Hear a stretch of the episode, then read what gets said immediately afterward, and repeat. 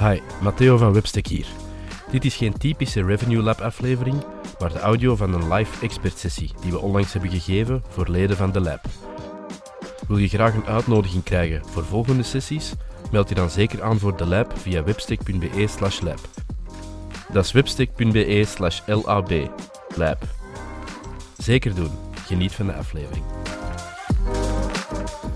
Welkom in ieder geval iedereen. Uh, onze tweede LinkedIn live sessie.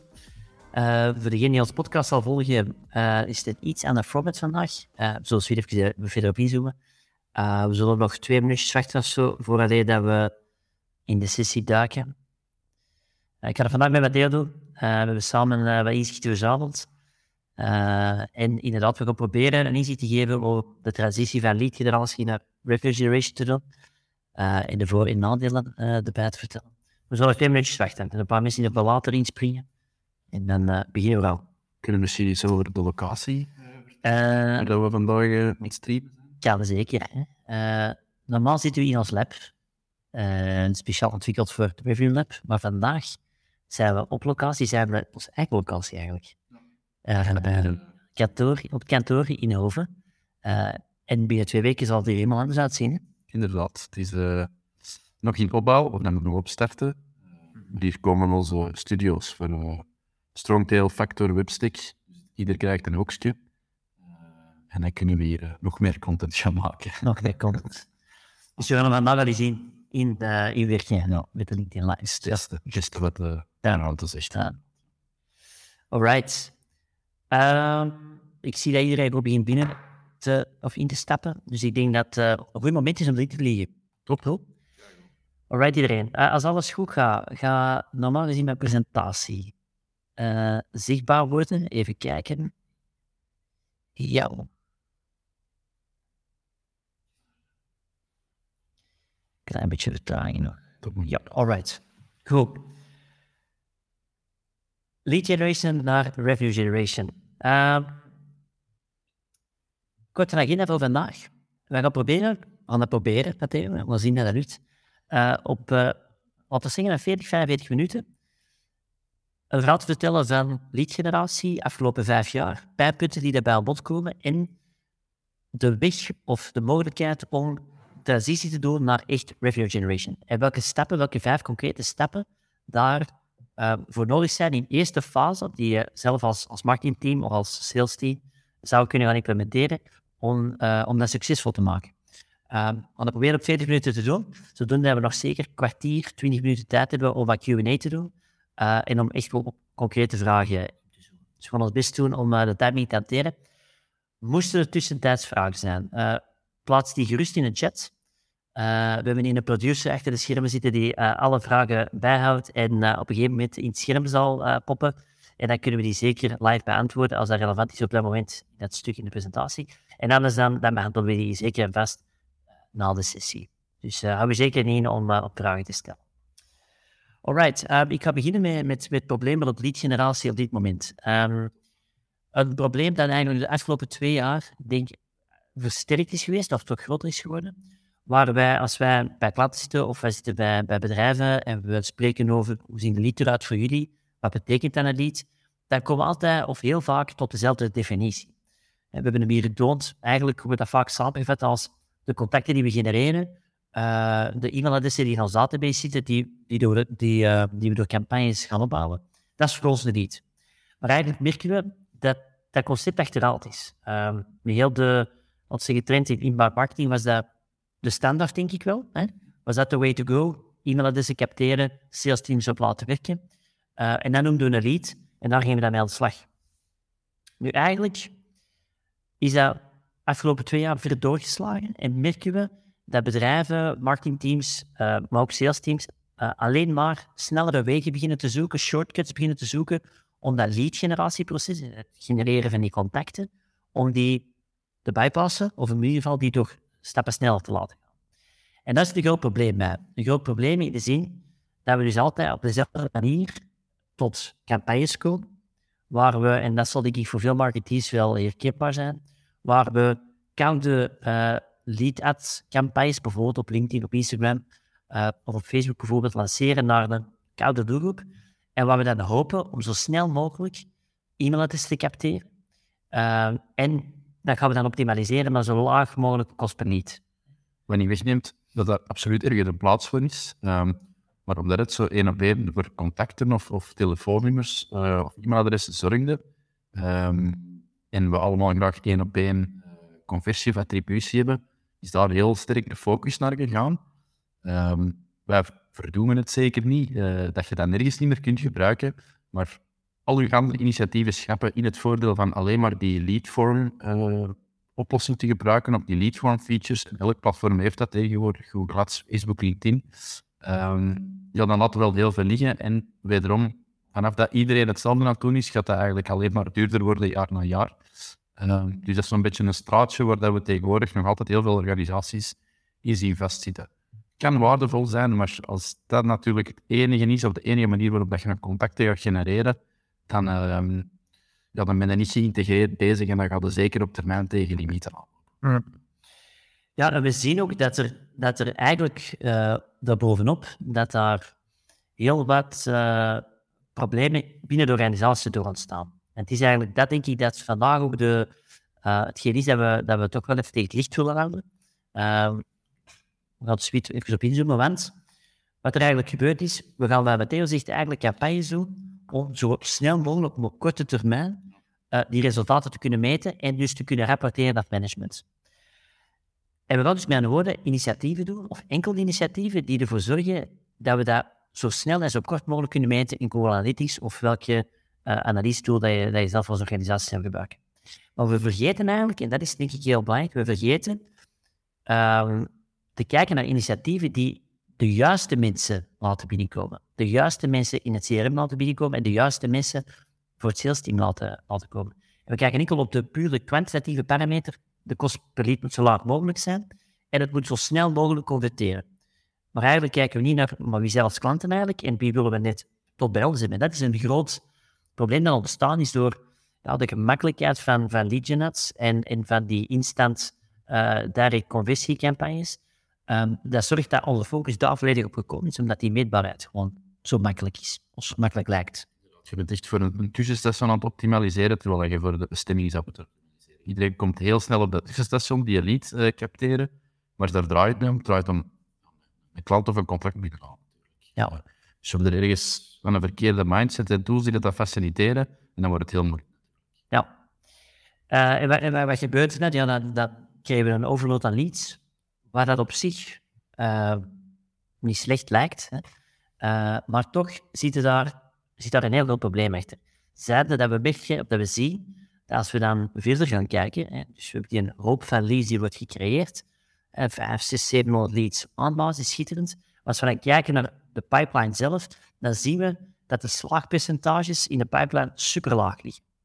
Dus dat eigenlijk de kans dat iemand van het sales team zo'n contact kan converteren, super laag ligt.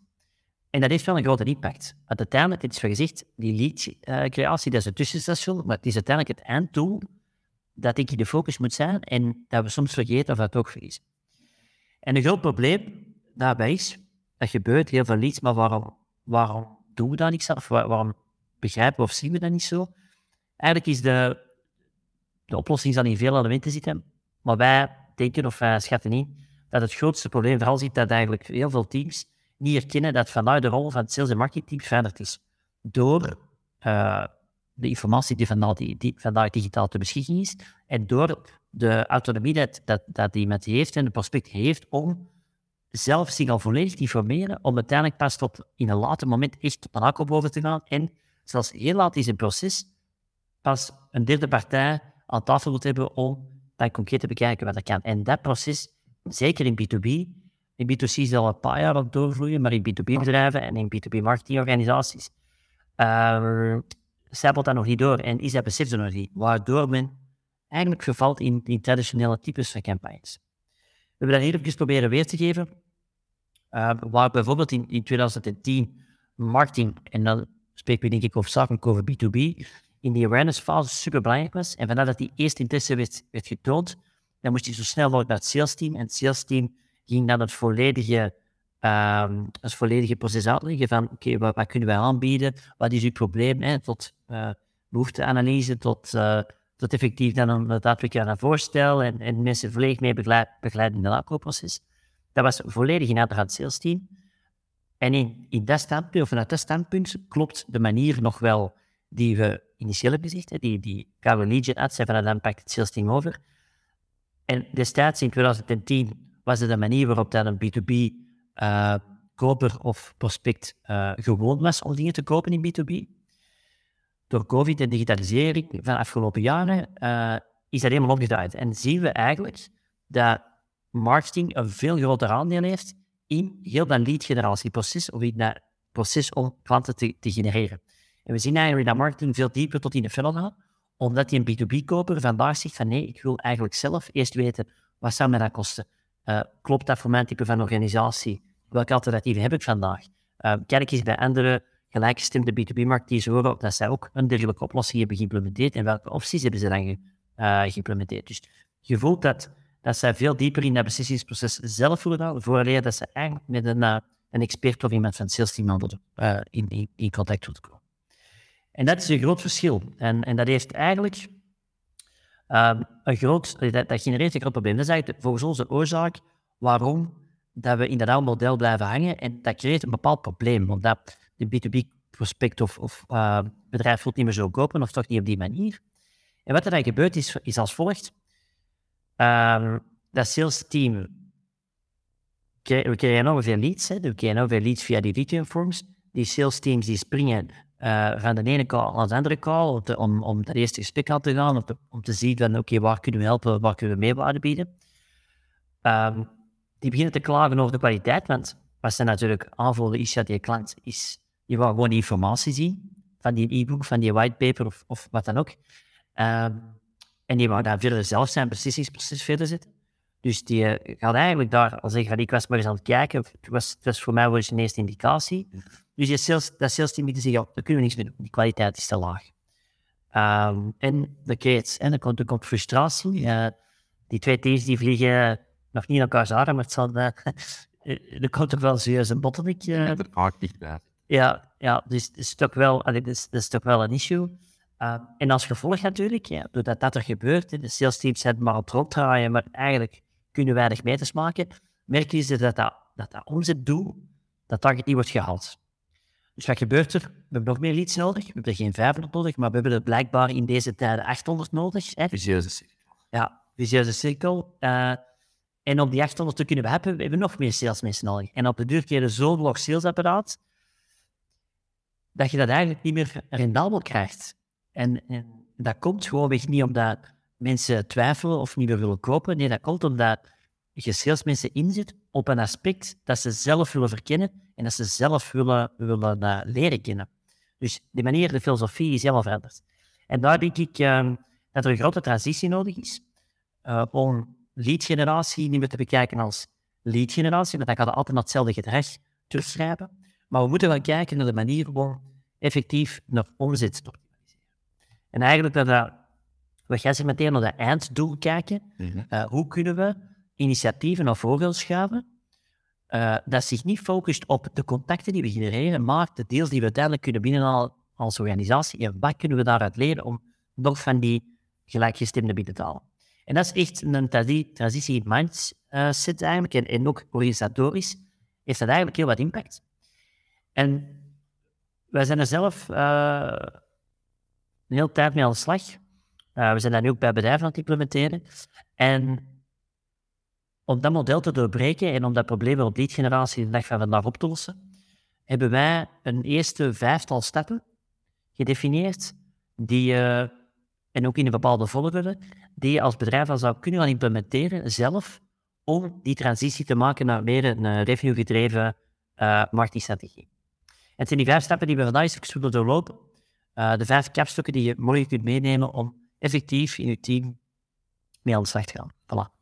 En misschien al kaderen, dat gaat soms wel vliegen, want dat druist wel in tegen hoe de, het vandaag in heel veel gevallen wordt aangepakt. Dus we kunnen het hier theoretisch zeggen, uh, maar ja, je moet er niet alleen zelf ervan overtuigd zijn, eh, maar ook je collega's meekrijgen. Want anders gaat, de, ja, gaat het er heel weinig impact maken.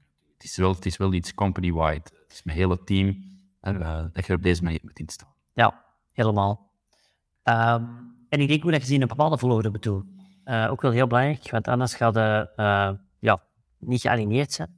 We zullen drie vliegen, we zullen beginnen bij het begin. Um, eerste stap. Um, eentje die we al eens, voor de mensen die de podcast ook volgen, uh, halen we regelmatig aan. Maar dat is ook wel als je een transitie wil aangaan van traditionele lead generatie, B2B, waar je campagnes draait en waar je optimaliseert naar e-mailadressen, uh, is er wel een stap. We moeten eigenlijk twee stappen terugzetten. En je moet zeggen van oké, we moeten eerst terug een stroom van kwalitatieve inputs uh, kunnen, kunnen opbouwen om goed te begrijpen. dat ben ik hier even uitgehaald. Om goed te begrijpen hoe dat, dat informatieproces van mijn ideale klant eruit ziet. Dat is even terug uitzoomen. Um, en dat moeten we doen vanuit sales, maar ook vanuit dat marketingteam moeten samen doen. En even gaan kijken, wie zijn vandaag onze beste klanten? Dat begint eigenlijk stap 1. Wie zijn onze beste klanten? Weten we dat? Kunnen we dat zeggen? Basis van omzet, basis van marge. Uh, er zijn heel wat mogelijkheden voor om in het CRM eens even uit te plaatsen. Maar ik denk dat je daar eerst een beeld van moet krijgen. Wat zijn de 10 beste klanten? Dat moet ook, moet op zich ook niet veel te zijn. Hè? Dat zijn de 10 beste klanten die wij vandaag hebben, over de jaren heen. Wat typeert die? En kunnen we met die 10 klanten en ook misschien 10 uh, ehm, bedrijven die perfect aansluiten bij dat profiel, kunnen we met hen in gesprek gaan om echt perfect te begrijpen hoe dat die informatieproces loopt en hoe dat zij graag hun aankoopproces willen doorlopen. Welke content willen zij zien? Welke kanalen raadplegen ze? Met welke professionals overleggen zij zo'n dingen? Uh, welke consultants, pas op, ook niet op te schatten, welke consultants nemen ze soms onder de arm om die beslissingen te maken? Uh, in welke community zitten zij? Dus echt dat volledige proces goed begrijpen. En dan worden niet door op buikgevoel. Dat hebben we al vaak te zien. Het is geen uh, dan krijg je de, risk research. Dan krijg je de brave marketinginterpretatie met wat ze denken dat het antwoord is. En daarmee dat heel veel marketing op elkaar trekt. Hè. Dat ja. zijn de marketeers onder elkaar. En dat is als een hele pijnlijke en een grotere vaccin dan moet liefst van, uh, van wegbewezen. En dat op basis van de inzichten van klanten of van ideale klanten. Ja. En dat is de continue mindset ook. Hè. En je kunt dat formeel en informeel doen. Ik denk dat wij zo een mix gebruiken tussen echt formeel gaan bevragen op weekbasis. Um, voor de rest, de statusmeetings zorg ik va uh, vaak dan misschien herkenbaar zijn op het einde vragen. Vijf, in, op een vijftal minuutjes. Um, waar iedereen dag van wakker, je gezien, waar wil je meer over weten. En dat pak ik ook mee dan. Ja. Dus je kunt er alle richtingen mee uit, maar het is in ieder geval dat je er continu gewoon mee bezig bent. Ja, dat moet een continue mindset worden. En, en eigenlijk, uh, daar begint de oefening. Want dan begrijp je perfect, dat is onze ideale klant. En via die wegen zoek je zijn informatie. En we een goed beeld krijgen. Het tweede punt, um, als je dat weet, kun je, en ga je eigenlijk je, je standpunt, uh, nou, wij noemen je standpunt in de markt, scherper kunnen stellen. En dat is belangrijk, omdat als je je standpunt en de manier waarop, dat, waarop de als organisatie echt meer op routine haken als, als de rest, als je dat scherp kijkt, dan wil je ook veel uh, uh, gerichtere content kunnen uitwerken, waardoor dat, waardoor de vraag beter kan gecreëerd worden bij uh, datzelfde segment. En dat is iets zoals dat vergeten wordt. We zien heel vaak, zelfs in, gewoon in traditionele lead ads, dat er um, heel vlakke beelden worden gebruikt, heel generalistische communicatie, omdat men eigenlijk niet goed weet wie is exact ons segment, of wie is de exact ons segment, en wat verwachten die exact van ons qua content, qua informatie. Maar je dat beter kan begrijpen, dan ga je ook dat kunnen, kunnen verscheppen. En ja, we doen dat hier naar ja, zoeken naar gemeenschappelijkheden.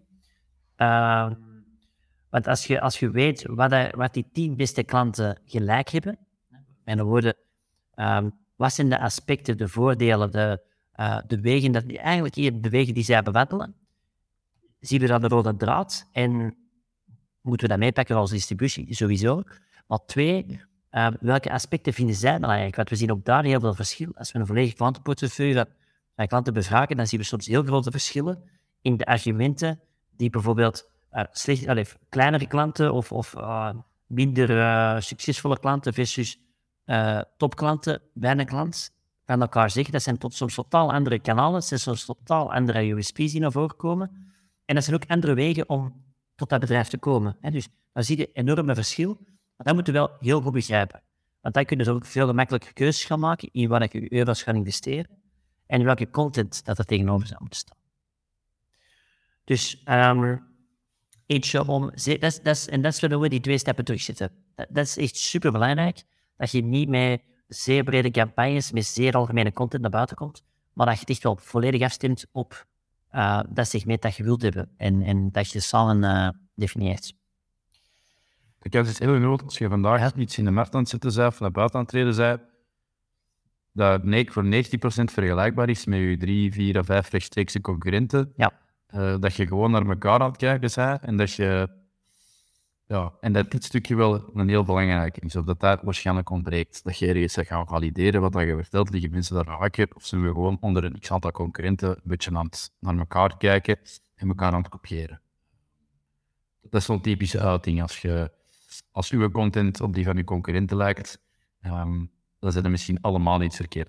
Niet leuk om te zeggen, maar dan moeten misschien effectief eens naar die, naar die klant denken. Ja. En, en uh, inderdaad, de reden ook waarom, dat je, dat, waarom dat je dat eigenlijk eerst scherp moet hebben, omdat je kunt heel veel leads genereren, en dat is wat we de straks zeiden, leads genereren aan zich. En dus contact, het is dan welke definitie dat je over leads hebt, maar gewoon het genereren van een contact is aan zich niet, niet moeilijk. Uh, je kunt mensen via allerhande uh, trucken. En pas op, dat wordt moeilijker omdat mensen er heel erg door te kijken natuurlijk. En je zou mensen via allerhande uh, documenten kunnen binnentrekken. Maar je moet vooral de juiste mensen binnentrekken. En de mensen, we hebben al oefeningen gezien waar we met de helft of een vierde van de leads evenveel business kunnen genereren. Omdat er werd, er werd te breed geschoten, er werd te generalistisch ingestoken qua, qua messaging eigenlijk. Waardoor dat er uh, een race aan, aan, aan leads of, of contacten binnenkwamen. Maar eigenlijk we op voorhand al wisten dat, dat drie vierde dat drie vierde dat nooit iets mee ging doen, omdat dat niet, dat, dat niet een ideaal, het ideaal profiel was voor dat type beleid. Dus ook daar kunnen je enorm veel kosten besparen ook, door gewoonweg dat scherp te hebben in die eerste fase. Dus dat even uitzoomen is daar wel uh, een heel belangrijke in om, om later voor te zorgen dat je slim kunt investeren.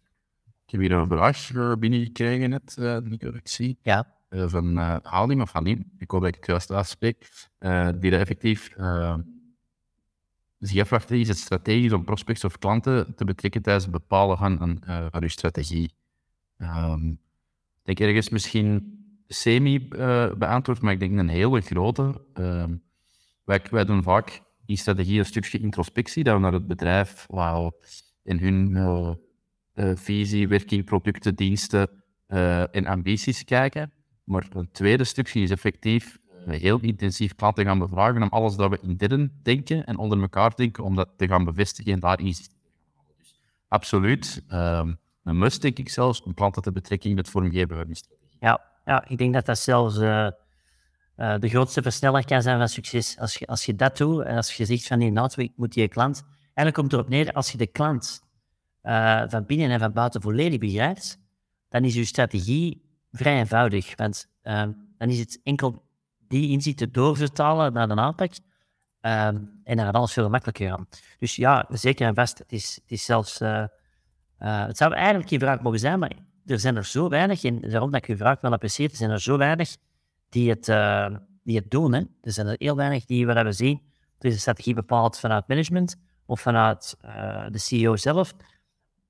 Maar er is nooit met een klant gepraat ja, dan, is het heel moeilijk natuurlijk om in te schatten, zou deze strategie kunnen werken? Of uh, is dat eigenlijk al de juiste strategie? Dus 100%. En, en klantenbevraging is misschien wel echt de gewoon de makkelijkste manier om het te doen.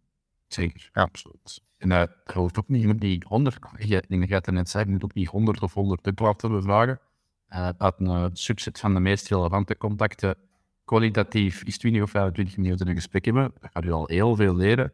En dan kun je nog altijd informeel na, na een prospectiegesprek of na een meeting kun je ook altijd een beetje de pieren uit in de neus vragen en, en kijken waar ze de haken liggen. Dus uh, bij de start sowieso misschien net iets intensiever, maar voor de rest continu om dit, om dit te krijgen. En scherp vooral uh, dat actueel blijft. Want ik denk vanaf dat je stilvalt en gewoon gaat zitten in hoe dat je naar buiten komt en hoe dat je organiseert of producten en diensten vormgeeft, dan gaat er worden ingehaald of voorbijgestoken. Dus je moet wel in beweging blijven, waarmee ik niet bedoel van links naar rechts schieten, maar je bent continu aan het innoveren. Ideaal. Dus uh, ja, terechte vraag en, en, volledig, uh, volledig actueel zou de standaard moeten zijn. Oké. Dus dat was het stukje van even uitzoomen. En dan denk ik dat tijd is om, om in actie te schieten. Stel dat je zegt van oké, we, we We weten perfect wie dat die klant is. We weten perfect ehm, hoe dat die zijn informatieproces loopt. Hebben we een goed idee voor, of ons. We kunnen ons, hoe dat wij dan ons willen profileren in de markt, kunnen we dat perfect op aansluiten in functie van ons beste klantenprofiel. Contentcreatie kan een stuk gemakkelijker gaan, en dus daar vertikt het al bij. Maar dan moeten we nadenken over twee silos bij elkaar brengen. En voor degenen die in onze eerste die live waren, dat is een puntje dat we toen hebben benadrukt.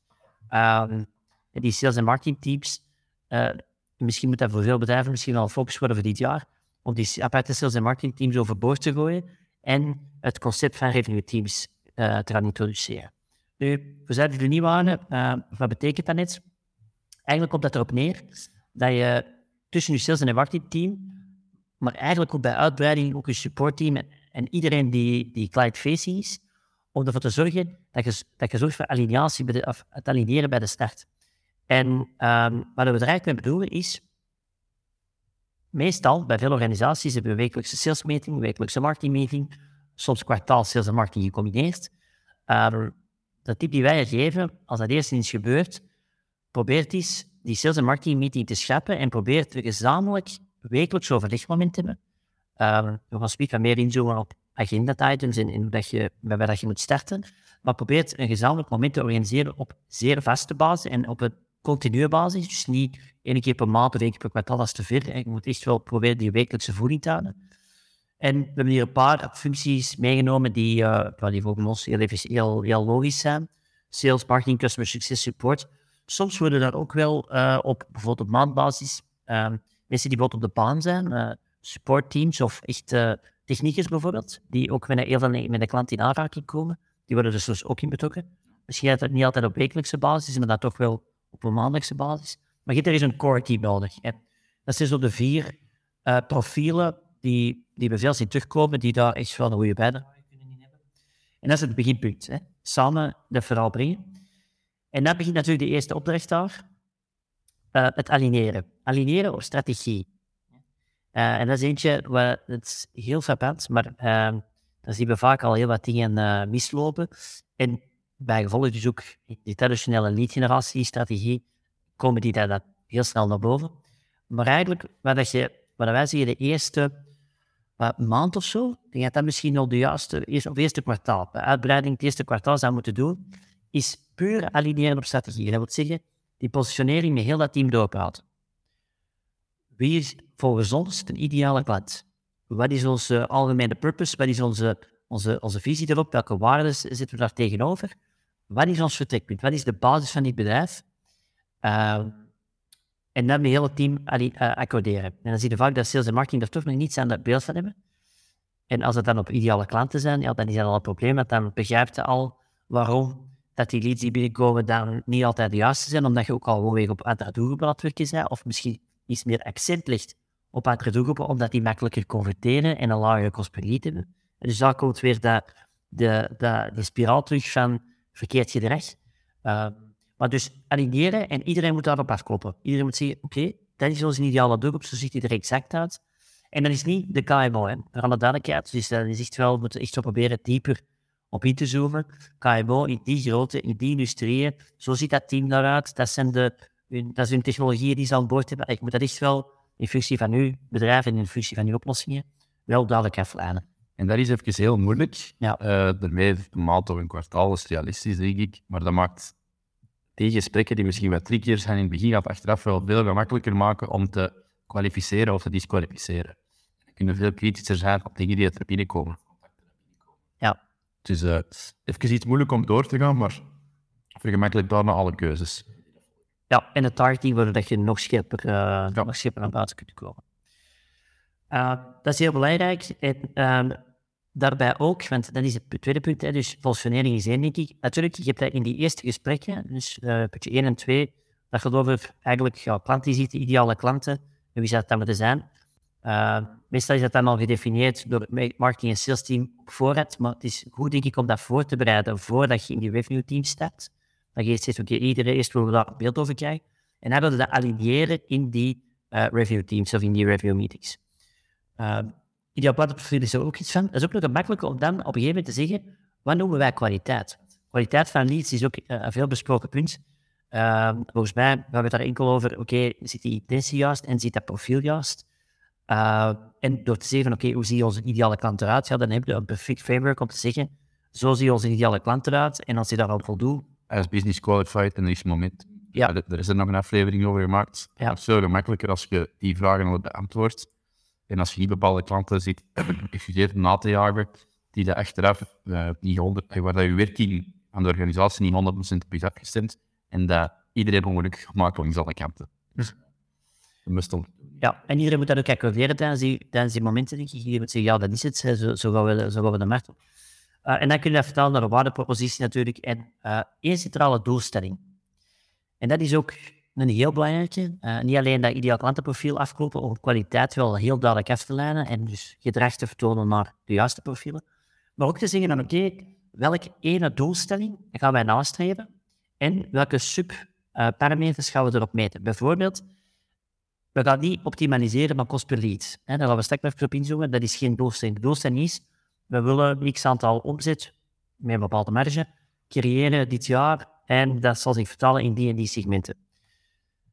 Um, dat is de centrale doelstelling. En eigenlijk moeten we, kunnen we daar sub, kunnen zeggen, oké, dat is ons omzetdoel, en we gaan daar een paar tussenstappen definiëren, uh, die dan ons een inzicht geven, zijn we goed bezig of niet. Maar die ene doelstelling moet wel het, nee, moet het uh, focuspunt zijn, en dat is hetgeen waarop we alles gaan er optimaliseren.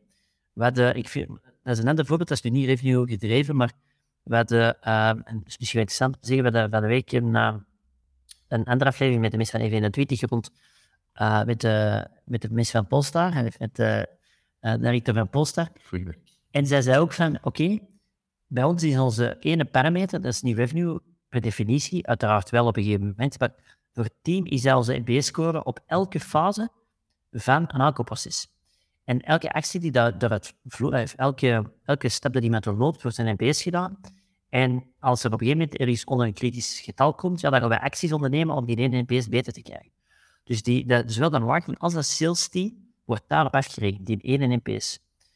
Bij de meeste bedrijven denk ik dat dat een omzetdoelstelling is in bepaalde segmenten, maar probeer dat niet te veel uh, op te splitsen in die twee mensen worden op die metric afgerekend, die twee mensen worden op die twee metric afgerekend. Probeer echt naar een gezamenlijk één centrale doelstelling te gaan. En, ook als en dan gaat het ook als een team benaderen. En dan gaat het dat niet als individu afschermen. Zeggen, ik moet mijn iets halen en ik moet mijn omzet halen. Nee, wij gaan samen een omzetdoel halen. En uh, we gaan dan afspreken welke bijdrage dat ik, er zou hebben. Maar daar gaan we niet wat meer op iets doen. Maar één doelstelling uh, afkloppen is een belangrijke. Een vraag van Pieter de Meijer. Ja. Voor dat we wel op kunnen gaan, denk ik. Heb je tips voor de structuur van de revenue stand-up? Hetgeen dat wij elke week uh, doen. Uh, hij heeft vaak het gevoel dat marketing zich een klein beetje verloren voelt. Van zodra dat er meer in detail wordt ingegaan op het niveau van lopende deals. Ja. Um, houd je dat apart of wordt dat mee in die revenue stand-up uh, heel goede vraag. Ja, heel goede vraag, want dat hebben wij zelf ook ervaren. Helemaal in het begin. Dus dat is zeker iets om waakzaam te zijn. Um, goed, ik ben aan het denken, het, het is soms de twee kanten wel, vind ik. Uh, ik, ik, zie vaak dat uh, marketingteams daar verloren lopen, maar zeker ook salesmensen die zeggen van, oh, uh, al de details van, van, van de marktinitiatieven, daar, daar heb ik weinig kennis over, of dat, dat weet ik niet. Dus dat, voel ik ook wel aan zijn andere kant. Nu, wij hebben, misschien denk dat zal niet van de volgende avond, kijk, perfect afsluiten, Peter. Um, wij hebben zo vaste puntjes die wij laten terugkomen. En we hebben eigenlijk, als het dan over structuur gaat, zelf twee structuren gedefinieerd. We hebben eentje op weekniveau. Uh, en dat zijn zo een paar voorbeelden die we hier in de presentatie uh, meenemen. Ik denk dat we die suite even gaan uh, tonen terug. Ehm, en we hebben initiatieven op maandniveau, of op kwartaalniveau, sorry, kwartaalniveau. Wat wij op maand niveau, of op weekniveau doen, is bijvoorbeeld uh, een korte update. eigenlijk delen wij een meeting op in ongeveer twee uur, denk ik. Anderhalf uur, anderhalf uur voor dan een stand-up. Anderhalf uur en we verdelen die ongeveer in blokken van 15 minuten. Dus dat is zeer kort. Maar dat betekent dat iedereen wel een deeltje van die meeting eigenlijk al moet voorbereid hebben en de essenties op dat kwartier brengt. Maar wel elke week. Dat zijn zo vier puntjes die hier meegegeven die wij gebruiken het eerste kwartier wordt vaak gebruikt om bijvoorbeeld een update op de doelstelling te doen. waar staan we in fiscaal onze ene doelstelling? Wij doen dat nu bijvoorbeeld op kwartaalniveau. Voor sommige bedrijven is dat zeer relevant op dat weekniveau te doen. Een beetje afhankelijk van de, de van uw, van uw opportuniteiten bijvoorbeeld. Maar ik denk dat dat voor de meeste bedrijven wel nuttig is om dat elke week te vermeten in kwartier. Een kwartier proberen wij echt wel vrij te houden voor klantinzicht. ik zal zo even zeggen hoe dat die rolverdelingen zitten, maar een kwartier dat iemand zegt van oké, ik heb deze week met een klant gebeld, met een prospect gebeld die in ons ideaal klantenprofiel zit. Ik heb die bevraging gedaan en dat zijn de, de vijf takeaways die er zijn uitgekomen. Oké, iedereen heeft dat gehoord, iedereen pakt dat mee. Vanuit zijn verantwoordelijkheid in de revenue team. Derde punt um, is welke acties zijn we aan het ondernemen of kunnen we onder, ondernemen in functie van de inzichten die uit die klantengesprekken komen. Bijvoorbeeld, een, type, een gemakkelijk voorbeeldje. Um, we hebben gemerkt dat bijvoorbeeld hebben we uh, een paar webpagina's aan ideale klanten voorgelegd en we hebben gemerkt dat bijvoorbeeld de uitstraling van bepaalde foto's of de verwoordingen van ons offer niet duidelijk genoeg was. Oké, um, onze ideale klanten hebben dat aangegeven, dat dat niet voor hen duidelijk genoeg was en dat dat een frictie was om een stap verder te gaan. En we zien, oké, dan moeten we daarop, dan moeten we op taxi plaatsen. En we hebben eigenlijk een roadmap van initiatieven in functie van impact en natuurlijk workload. Uh, proberen we dat te verdelen die we dan elk kwartaal een paar opnemen. Niet te veel in één keer, meestal één tot twee initiatieven per kwartaal. En tijdens dat wekelijks overleg overlopen we uh, welke actiepunten komen er, moeten erbij komen in die roadmap in functie van het klantengesprek van afgelopen week. En uh, wat is de status van het lopende initiatief in functie van uh, het initiatief dat we afgelopen kwartaal hebben gedefinieerd. Dus dat is de korte update. Daar is ook iemand voor verantwoordelijk. Zodoende dat iedereen ook weet van, oké, wat is de status en wat zijn we aan doen om continu die fricties weg te werken in dat, in dat beslissingproces, in dat aankoopproces. Uh, en dan een laatste puntje uh, is het delen van nieuwe opportuniteiten. Welke nieuwe opportuniteiten zijn er afgelopen week binnengekomen? Via gedrag op de website, via formulieren. Kennen we daar mensen? Kunnen we daar iets voor betekenen vanuit het team? Hebben we daar misschien projecten gedaan? Hebben we daar cases in gedaan? zodoende dat daar ook maximaal een input komt naar de mensen die daar weer meer client-facing zijn, het sales team, uh, en die daar ook weer mee aan de slag kunnen gaan. Maar misschien om even Peter nog een rond te doen. Uh, ik denk waar de sales en marketing naartoe gaat, is we moeten er niet per se een andere titel pakken. Want ik denk dat we soms veel te snel titels en concepten een naam willen geven. Maar dat de marketeers effectief comfortabel moeten zijn rond salescijfers en sales-initiatieven. Uh, en dat sales um, professionals meer marketing de vinger moeten krijgen in de vingers moeten krijgen. Hmm. Dus die moeten meer naar elkaar toe groeien. Wordt dan misschien op termijn een hybride profiel. Dat kan er. Uh, dat laat ik in het midden. Um, maar een marketeer zou zeker niet uh, een kwartier op zijn gsm mogen zitten als het over de cijfers gaat. Nee. Dan zijn er misschien niet 100% uh, mee met wat we juist willen realiseren. Dus dat is zo eentje dat we op de anderhalf uur proberen, of dat uur, anderhalf uur. En dat meestal een kwartiertje Q&A voor zo wel lopende zaken even kort te bespreken.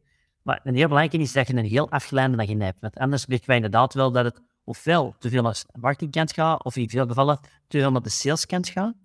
Uh, en ik zeg nu wel kant 1 en kant 2, en de bedoeling is dat je dat samenbrengt, maar merk je wel bij het begin, heb je altijd nog wel die, die verdeling, hè, omdat die verantwoordelijkheden en die rollen zo zijn ingevuld. Uh, en dat kun je ook niet zomaar uh, laten verdwijnen. En doordat je dat mooi afsluit per topic, merk je dat dat eigenlijk meer en meer naar elkaar begint toe te groeien en dat, er een soort aanzien die in die meetings begint te komen. Dus dat is iets wat je op weekbasis kunt doen. En dan op kwartaalbasis kun je zo'n overkoepelend uh, update geven over de cijfers en de forecast bijvoorbeeld voor het komende kwartaal. Wordt er regelmatig ook eens een, een, recap van de marktinitiatieven gedaan. Wat zijn de campagnes die we afgelopen kwartaal hebben gedaan, de resultaten daarvan, inzichten. daar komt er dan meestal zo bovenop. en dat kunnen dus bijvoorbeeld één keer per kwartaal toevoegen. Maar zo de recurring dingen zijn, dat zijn de dingen die wij recurring eigenlijk altijd wel meepakken.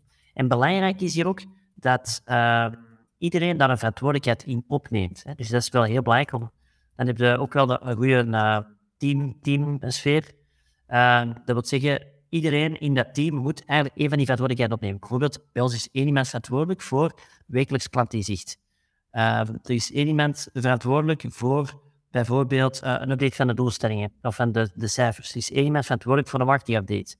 Dus die weet perfect, elke week geeft een korte update, 15 minuten, via een vast format. Uh, en iedereen is mee en iedereen is ook gecommit in dat team om uh, daar zijn stage in bij te dragen. Dus dat is ook wel echt een best practice. Uh, dat mag niet afhangen van één of twee mensen als je een team van vier daar zit, want dat geeft ook niet de juiste dynamiek. Dus probeer wel echt iedereen daar een verantwoordelijkheid in te geven. Voilà. Voilà. Uh, ja, en dan creëerde eigenlijk in C, uh, en dat is nu even gewoon die visual, omdat ik vind dat wel interessant om zo even mee te geven, dat creëerde in C een, een plan, een werkingsplan dat over sales, marketing en customer success heen gaat, um, waar er dan in elke fase van, van dat beslissingsproces um, komen daar actiepunten uit. Hè? Want je begint te merken, ja, we hebben met een klant gesproken, we hebben gemerkt dat dat aspect bijvoorbeeld in onze eerste salesgesprekken nog niet goed zat, of we hebben gemerkt, um, als we een jaar bezig waren, omdat we dat klantengesprek na een jaar opdoen, um, dat dat een aspect uh, nog niet goed zat, of uh, een rapportering door een paar elementen niet goed zaten. Oké, dat zijn ook dingen die mee uh, bijdragen. Hè? Dus gaat niet over die eerste euro genereren en dan niet project binnenhalen, het gaat ook over hoe kunnen we recurring nog beter worden in, bij klanten, zodat we dat meer kunnen gaan doen. Hè? Dus het is niet alleen naar newbies, maar het is ook naar um, het uitbreiden van accounts, dat dat super waardevol is. En daar kunnen dan initiatieven doorvloeien naar, naar de rest van het team. Bijvoorbeeld een initiatief waar wij nu ook mee, mee gaan starten, is, um, is dat bijvoorbeeld bij het review team. Uh, dat is een, een beperkte groep. Hè. We kunnen niet het hele team bij je meepakken, dat zou, zou niet werkbaar zijn. Maar we hebben daar een, een, vaste groep.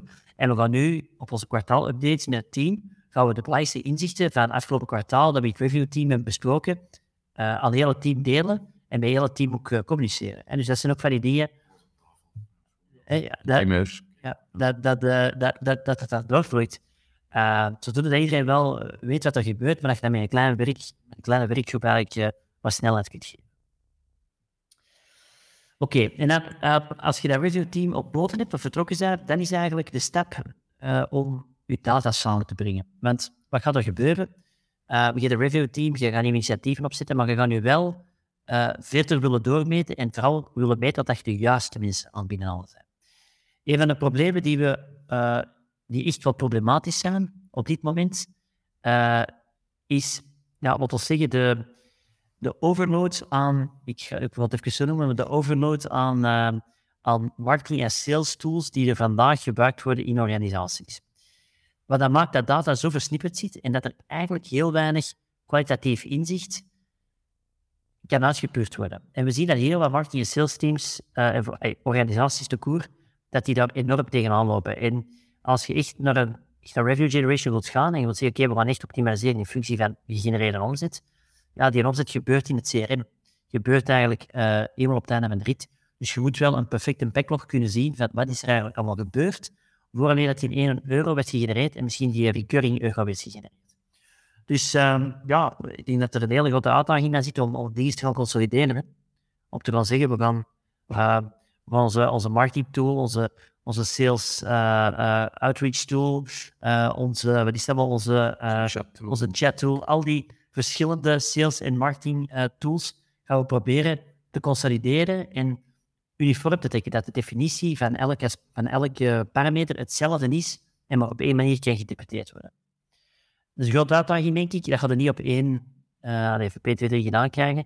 Maar dat is wel iets waar je, als je dat goed wilt doen, ga er wel over moeten nadenken. En ga er wel echt uh, stappen in moeten zetten. Want als je dat hebt, dan kun je beginnen nadenken over data-hygiëne en uniformiteit. Uh, want dat is echt goed Als je één plaats hebt waar de centrale data binnenkomt, met andere woorden, één prospect, hoe is die binnengekomen, via welke wegen, uh, hoeveel gesprekken hebben we nodig gehad, wat is uiteindelijk zijn slagpercentage vanuit een tweede of derde fase in, in de pipeline, uh, want dat zegt iets over kwaliteit. Als je dat allemaal goed kunt zien in één omgeving, dan moet ook wel zorgen dat je processen implementeert om gewoon die hygiëne goed te houden. En voor te zorgen dat eigenlijk de definitie van een lead, bijvoorbeeld, of een, een marketing lead of een sales lead, dat dat eigenlijk allemaal wel uniform wordt begrepen. Je komt een klein beetje documentatie bekijken, uh, een draaiboek neerschrijven van oké, hoe komt een lead binnen in ons, in ons single source of truth en hoe gaan we dat monitoren? Via een dashboard bijvoorbeeld dat die kritische informatie wel ingevuld blijft en ook correct ingevuld blijft. En want er zijn allemaal mensen die maken allemaal fouten, maar dat is ook wel een belangrijk om over na te denken in de speech. Zodoende dat je dan uiteindelijk naar het finale kunt komen, eenduidig rapporteren. Uh, dan kun je heel duidelijk al zeggen uh, welke euro's hebben we gegenereerd en uh, hoe is dat tot stand gekomen? Hoe is een euro tot stand gekomen? En wat is de weg om uiteindelijk die klant aan boord te halen? Maar die rapportering, en dat, dat merken we, daar hebben we onlangs ook een podcast over gedaan, daar merken we wel dat heel veel bedrijven vastlopen op rapportering. En ik snap dat. Zeker als we hetgeen in het begin hebben gezegd, dat heel wat uh, data in heel veel verschillende tools zitten. Je hebt in je advertentieplatformen zit data, in je e-mailplatform zit er data, uh, in je CRM zit er data, in je LinkedIn Messages uh, zit data. En je zit overal data, maar eigenlijk je kunt dat heel moeilijk bij elkaar brengen. Dus je kunt dat niet eenduidig en gemakkelijk rapporteren. en daar lopen er veel op mis, omdat natuurlijk die stappen ervoor niet, gemaakt zijn. Hè. Dus, en er zijn veel bedrijven die met dit willen beginnen, die zeggen van oké, voor dat wij uh, dat wij campagnes gaan doen, willen wij een duidelijke rapportering. Het probleem is veel groter. Hè. Je moet eigenlijk zorgen, je moet eerst die, die andere stappen doorlopen vooraleer dat je op een gegeven moment maar kunt nadenken over een duidelijke rapportering concreet uitwerken. We steken de ogen uit natuurlijk, hè. dat ziet er heel cool uit, maar er zijn zoveel stappen dat nog nodig zijn voordat je tot die punt komt. Ja, helemaal. Dus dat is ook wel belangrijk om mee te geven. Probeer niet direct in zo'n review meeting uh, over rapportering te hebben. Uh, zorg eerst dat die andere stappen goed zitten en dat je daar eerst een plan rond hebt om dat uh, in place te hebben. En dan de laatste, en toch wel uh, zeker en vast niet dan onbelangrijke, is echt een instroom van kwaliteit gaan meten. Nu komen we op het punt dat je eigenlijk de impact kunt gaan meten op de business. Impact op de business in de zin van, helemaal in het begin hebben we gezegd, lead generatie traditioneel kijken we naar lead en zo laag mogelijk lead. En alle initiatieven die we gaan doen, gaan we daarop inzetten. Um, maar in C zeggen wij vaak, we moeten niet gaan kijken naar de, laten we zeggen, de, de, het initiatief dat, die opportuniteit in CRM heeft aangemaakt, of het kanaal dat het heeft aangemaakt, maar we moeten gaan kijken naar welke trigger is er gebeurd dat die lead uiteindelijk aan ons begint beginnen denken en ons heeft beginnen volgen. En dat is veel belangrijker. Dat moeten we gaan capteren in je CRM.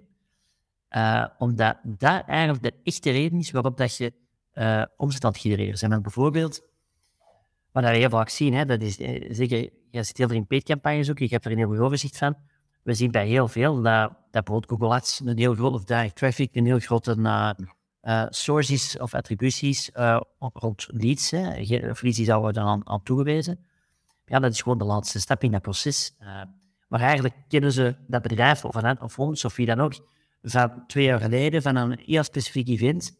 En ze zullen ons daar blijven volgen. Maar je moet dat eerste punt ook wel goed begrijpen en snappen dat daar de, de magic gebeurt. En niet in dat direct kanaal of organic of uh, via je paid campagnes. Want dat is, dat is ook nodig. Het is nodig. Maar dat is niet vanuit de initiële uh, uh, moet zeggen, de ziet. Ja. Het captatiemoment zelf zegt eigenlijk heel weinig. Je moet kwalitatief weten waar dat begonnen is. Want anders ga je meer van je captatiebron doen. Ja. Als ze bijvoorbeeld via Google binnenkomen, het is niet dat je dan door meer blogs of meer organisch verkeer te gaan trekken, dat je meer leads of, of business... Ja, en, en, vraag dat gewoon, hè. Vraag dat gewoon uh, aan, aan, aan, als je met mensen in contact komt, hè, bijvoorbeeld iemand een contact aanvraagt, vraag dat gewoon. Van waar, waar heb je ons leren kennen? Van waar kennen ons eigenlijk? En uh, doe dat niet een drop-down, maar vraag dat één op één, dan komt er heel inzicht uit. En dan ga je de voling beginnen krijgen waar dat je die ideale prospect leeft en waar dat je de credibiliteit oppakt uh, van spelers waar dat ze met ons samenwerken. Dus dat is wel uh, heel belangrijk. En dan, dat vertaalt zich natuurlijk in hoe we de dingen uh, doormeten. Wij zeggen vaak, en dat is nog niet altijd mogelijk. Dus op dit, ik, we zeggen deze omdat als je op het einde van dit proces zit, in die vijf stappen, dan kun je het niet beginnen zeggen. Daarvoor kun je dat nog niet beginnen zeggen, omdat je nog niet alle andere aspecten hebt om daar uh, afscheid van te kunnen nemen. Maar in een ideaal scenario zeggen we eigenlijk stap af van kost per lead. Kost per lead is irrelevant. Uh, kost per lead is uh, wat jij de stek hebt gezegd, denk ik, de tussenweg, de tussenstap. Maar totaal geen eindtool. En zelfs totaal geen indicator van kwaliteit. Dus als je in stap 4 door zijn, dan kun je uh, je kost per lead beginnen schapen in al je rapporteringen. En zouden eigenlijk moeten wel optimaliseren in een, in een veel kwalitatieve parameter. Ja, want we hebben de stek gezegd, omzet is op een gegeven moment, of marge, is op een gegeven moment je einddoel. Maar ik snap ook wel dat je er een paar uh, checks tussenin moet hebben om een idee te hebben. Ze zijn goed bezig in het genereren van vraag. Uh, en dan kun je bijvoorbeeld zeggen, oké, we gaan kijken naar de kost per sale. Wat heeft het ons gekost? En dat kan heel eenvoudig zijn. Hè? We hebben afgelopen kwartaal x aantal in, in marktinitiatieven geïnvesteerd. We hebben x aantal uh, omzet uh, gegenereerd via die kwalitatieve instroompronnen, dus door die bevraging. Dan kun je perfect je kost per sale definiëren. Maar je kunt ook het iets gemakkelijker houden en je kunt zeggen, nee, we gaan onze kost per, we hebben dat hier nu even genoemd, kwalitatieve opportuniteit, uh, gaan berekenen. En dat kan zijn, welke deals zijn er, of hoeveel deals zijn er in de tweede of in de derde fase van mijn pipeline geraakt. Dat zegt ook iets, want dat zegt wel, oké, dat zijn, zeker als je je salesproces op orde hebt, dan weet je wel, oké, als ze tot in de tweede, derde fase geraken, dan zijn ze al gequalified door ons. We hebben al eerste gesprekken gehad en, en we voelen dat de nood groot genoeg was en alle criteria goed waren om voor te laten werken. Vanaf dan kunnen we spreken over kwaliteit. Hè. Dan zien we de, de businessparameters zitten goed, de, de, de window zit goed, dat is ook een belangrijke. Uh, en dan kun je, daar, dan kun eventueel daarop uh, optimaliseren. Dat is ook een mogelijkheid. Hè. Als je ziet van op ons perceel is misschien nog, want er zijn nog andere factoren die meespelen, maar de kost per, uh, op kwalitatieve opportuniteit zou ook goed zijn. Maar gewoon het, de, kost om een, e-mail, een is of een, contact, een contactpersoon te genereren, daar, moet dat, daar kun je dan de, luxe om daar vanaf te stappen en echt naar de initiatieven te kijken die die twee laatste positief beïnvloeden.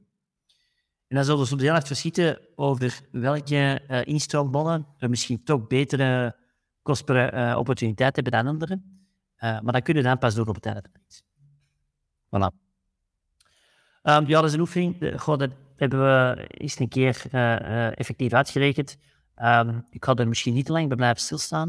Um, maar om een idee te geven welke impact dat, dat kan hebben. Hè. Dus stel dat je in het oude scenario zit. En je op, bijvoorbeeld op jaarbasis duizend leads genereren, dus linksboven.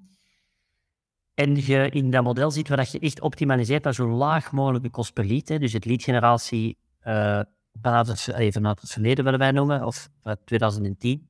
Uh, ehm, als je in dat model alleen maar ziet, ga je heel veel leads genereren, maar we zien dat er maar een klein percentage doorvloeit naar uh, tweede of een derde fase in het in het salesproces. Meestal, ik heb even, omdat dat nog typisch zo wordt genoemd, hè, MQL's, SQL's. Als we dat iets genereren, zien we, dat is nu van een specifieke case, zagen we dat er heel veel gevallen, bijvoorbeeld maar 5% doorvloeit naar iemand die effectief een kwalitatief gesprek met het sales team heeft. Dus van een sales, op, een, sales uh, een SQL wordt, een sales qualified lead. 5% wat gigantisch weinig is. Dat wil zeggen dat sales maar 50 kwalitatieve gesprekken heeft gehad op die 1000 contacten die gegenereerd zijn.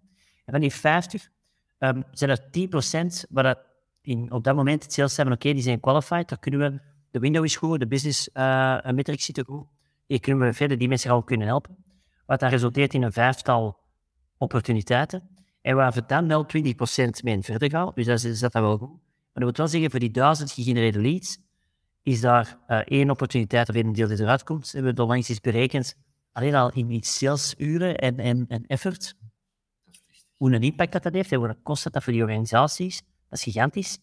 Uh, dus daar, en daar staan we niet bij stil, maar dat heeft een gigantische impact op, het bedrijf. En dan komt het terug in die uh, vicieuze cirkel dat wij begin hebben benoemd.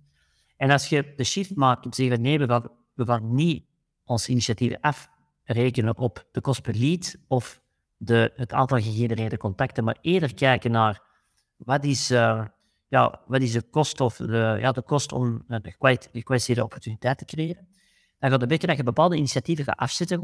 Bijvoorbeeld die en lead gen ads, uh, die heel veel contacten brengen, maar die eigenlijk heel weinig business misschien meebrengen. Die gaat dan meestal afzetten en je gaat andere initiatieven in de plaats hebben, omdat je met klanten babbelt en zij andere initiatieven beginnen aanhalen die zij veel uh, hebben geconsumeerd. Dus dat gaat, uh, dat gaat natuurlijk een, een shock zijn, omdat je je leads in veel gevallen bijna gaat halveren. Maar we zien wel dat als op een gegeven moment die leads aan binnenkomen, dat die tegen een veel groter slaagpercentage met sales team in gesprek komen en nadien ook veel gemakkelijker naar een opportuniteit gaan en effectief ook naar uh, uh, een gewone case gaan. Dus in, die, in, deze case, als we de berekeningen maakten, uh, zaten we bij 500 leads eigenlijk op 12 nieuwe projecten, waar een gigantisch verschil is tegenover duizend contacten in één project. En dat is de realiteit, maar we moeten er eerst wel wat stappen in doorlopen, denk ik, om ja, de juiste cadans te hebben en om de juiste initiatief te doen in functie van gegenereerde business. Voilà. Dus dat zijn volgens ons de, ja, laten we zeggen, de, de vijf stappen die je eigenlijk dit jaar stelselmatig zou kunnen oppakken. Zijn geen, je, je zou er allemaal verder kunnen gaan, denk ik, op een gegeven moment, maar meestal is dat niet goed om te, diep gaan. Je gaat wel wat silos moeten afbreken. Je gaat wel wat vaste manieren van werken moeten, tegen het licht moeten houden. Maar als je die vijf stappen in die volgorde kunt meepakken, uh, we hebben hier nog eens even in een overzicht gegoten, dan gaat het dit jaar al grote stappen kunnen zitten. En dan ben ik ervan overtuigd dat je richting het najaar een heel ander verhaal gaat hebben, een heel andere communicatiestrategie zult gaan opbouwen, omdat je merkt welke dingen er echt toe doen en welke uh, initiatieven echt tot dat eindpunt komen. Voilà. Ik hoop dat dat voor uh, velen uh, duidelijk was en, en dat dat wij hulp kon bieden. Um, uiteraard kunnen we op elk punt nog veel dieper ingaan en we proberen dat ook wel in onze podcasts, proberen we die kleinere aspecten wat dieper uit te puren. Uh, als er nog beste vragen zijn, mogen die altijd zeker vastgesteld worden. We hebben nog tijd. Ik denk dat we binnen tijd zelfs zijn. Dit niet, niet. Kunnen er nog wel wat vragen gesteld worden? En dan gaan wij daar zeker even op inzoomen. Dus op deze zondag komt een aflevering live rond het derde puntje, het alliëren van die derde teams. Ja. Uh, dus dat is misschien wel interessant om te beluisteren. We zullen misschien kijken dat we een soort van checklist of zo kunnen gieten. kunnen daar internet gemakkelijk mee aan de slag. Ja, dat is wel voor deze zondag. En voilà, zijn goede noot van de producer. Uh, misschien voor u. Ah, de volgende live. Ja, ja, ja, heel belangrijk. Uh, ja, 7 maart. Uh, we gaan dat proberen. Nee, we gaan dat doen. We gaan, we gaan dat We gaan maandelijks uh, die lives organiseren. en de volgende is 7 maart gepland. ik ben niet zeker. En dan kijk ik even naar de producing. De producing team, hebben we die al live staan? Ik het wel. We hebben die al live staan. Dus het event staat al live, dus je kunt je er al op inschrijven. Daar gaan we op één aspect wat dieper inzoomen. We gaan op de KPI's eh, inzoomen.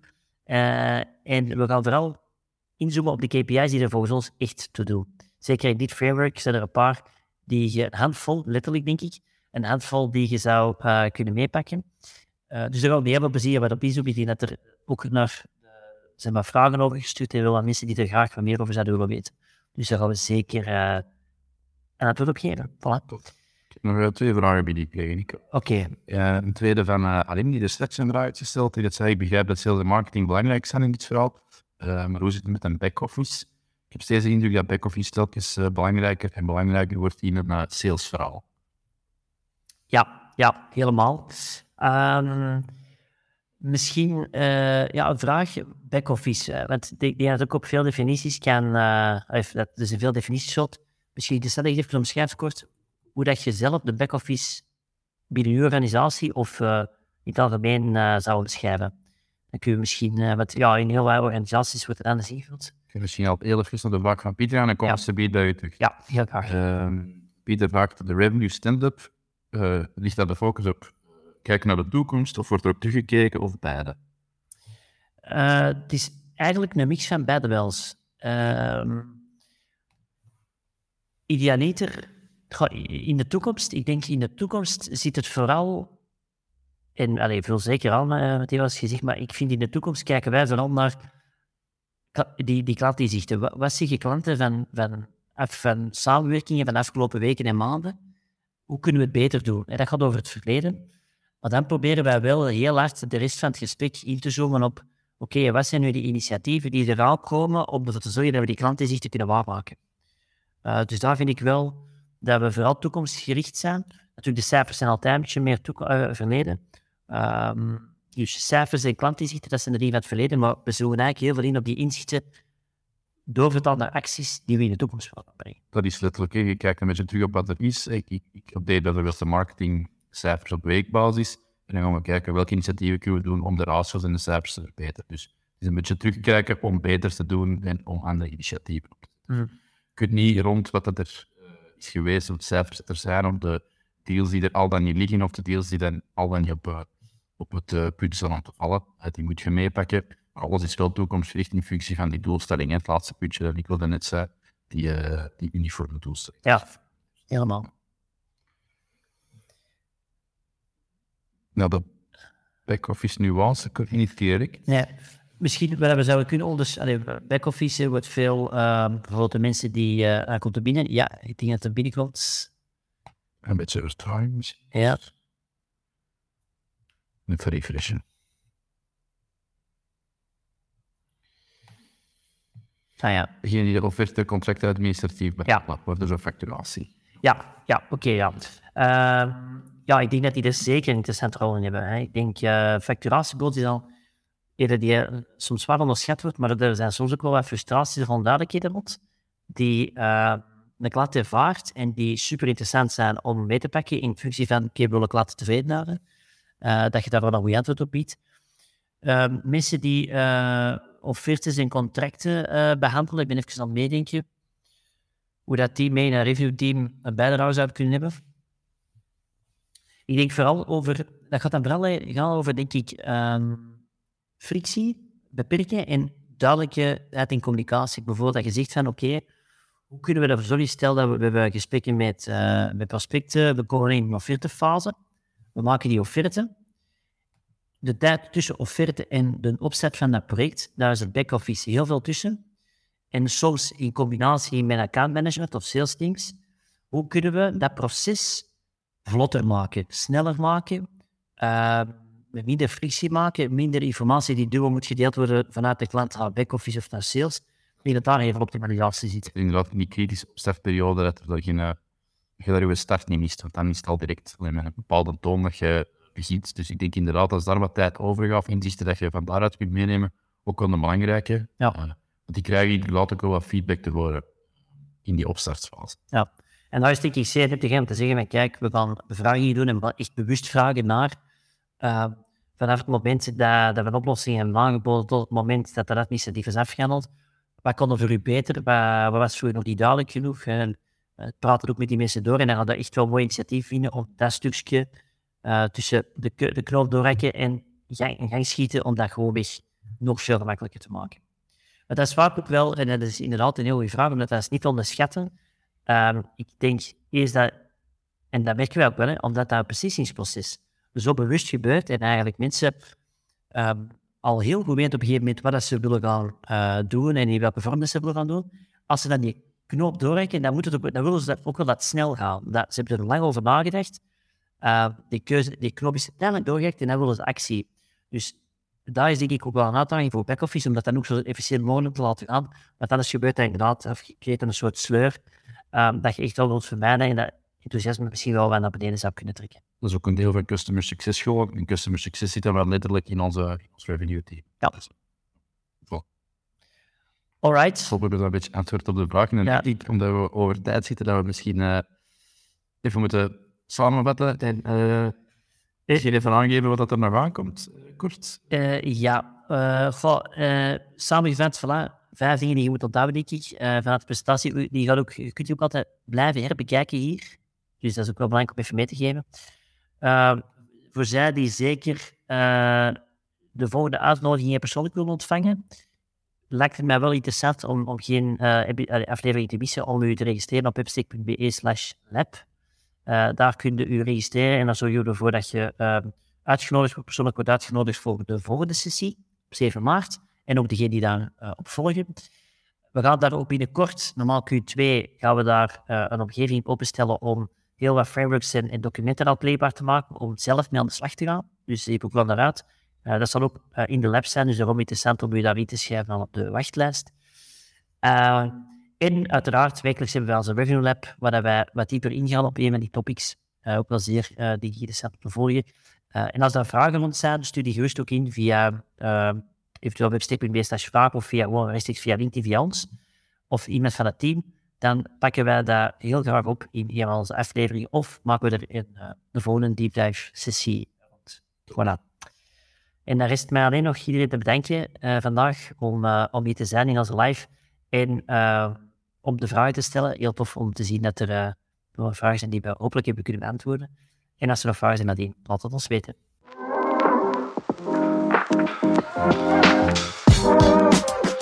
Misschien dat je erbij was voor deze aflevering. Vergeet je zeker niet te abonneren om geen enkele aflevering te missen. Wil je zeker uitgenodigd worden voor een van onze volgende invite-only events? Meld je dan aan via webstick.be slash lab. Tot de volgende keer.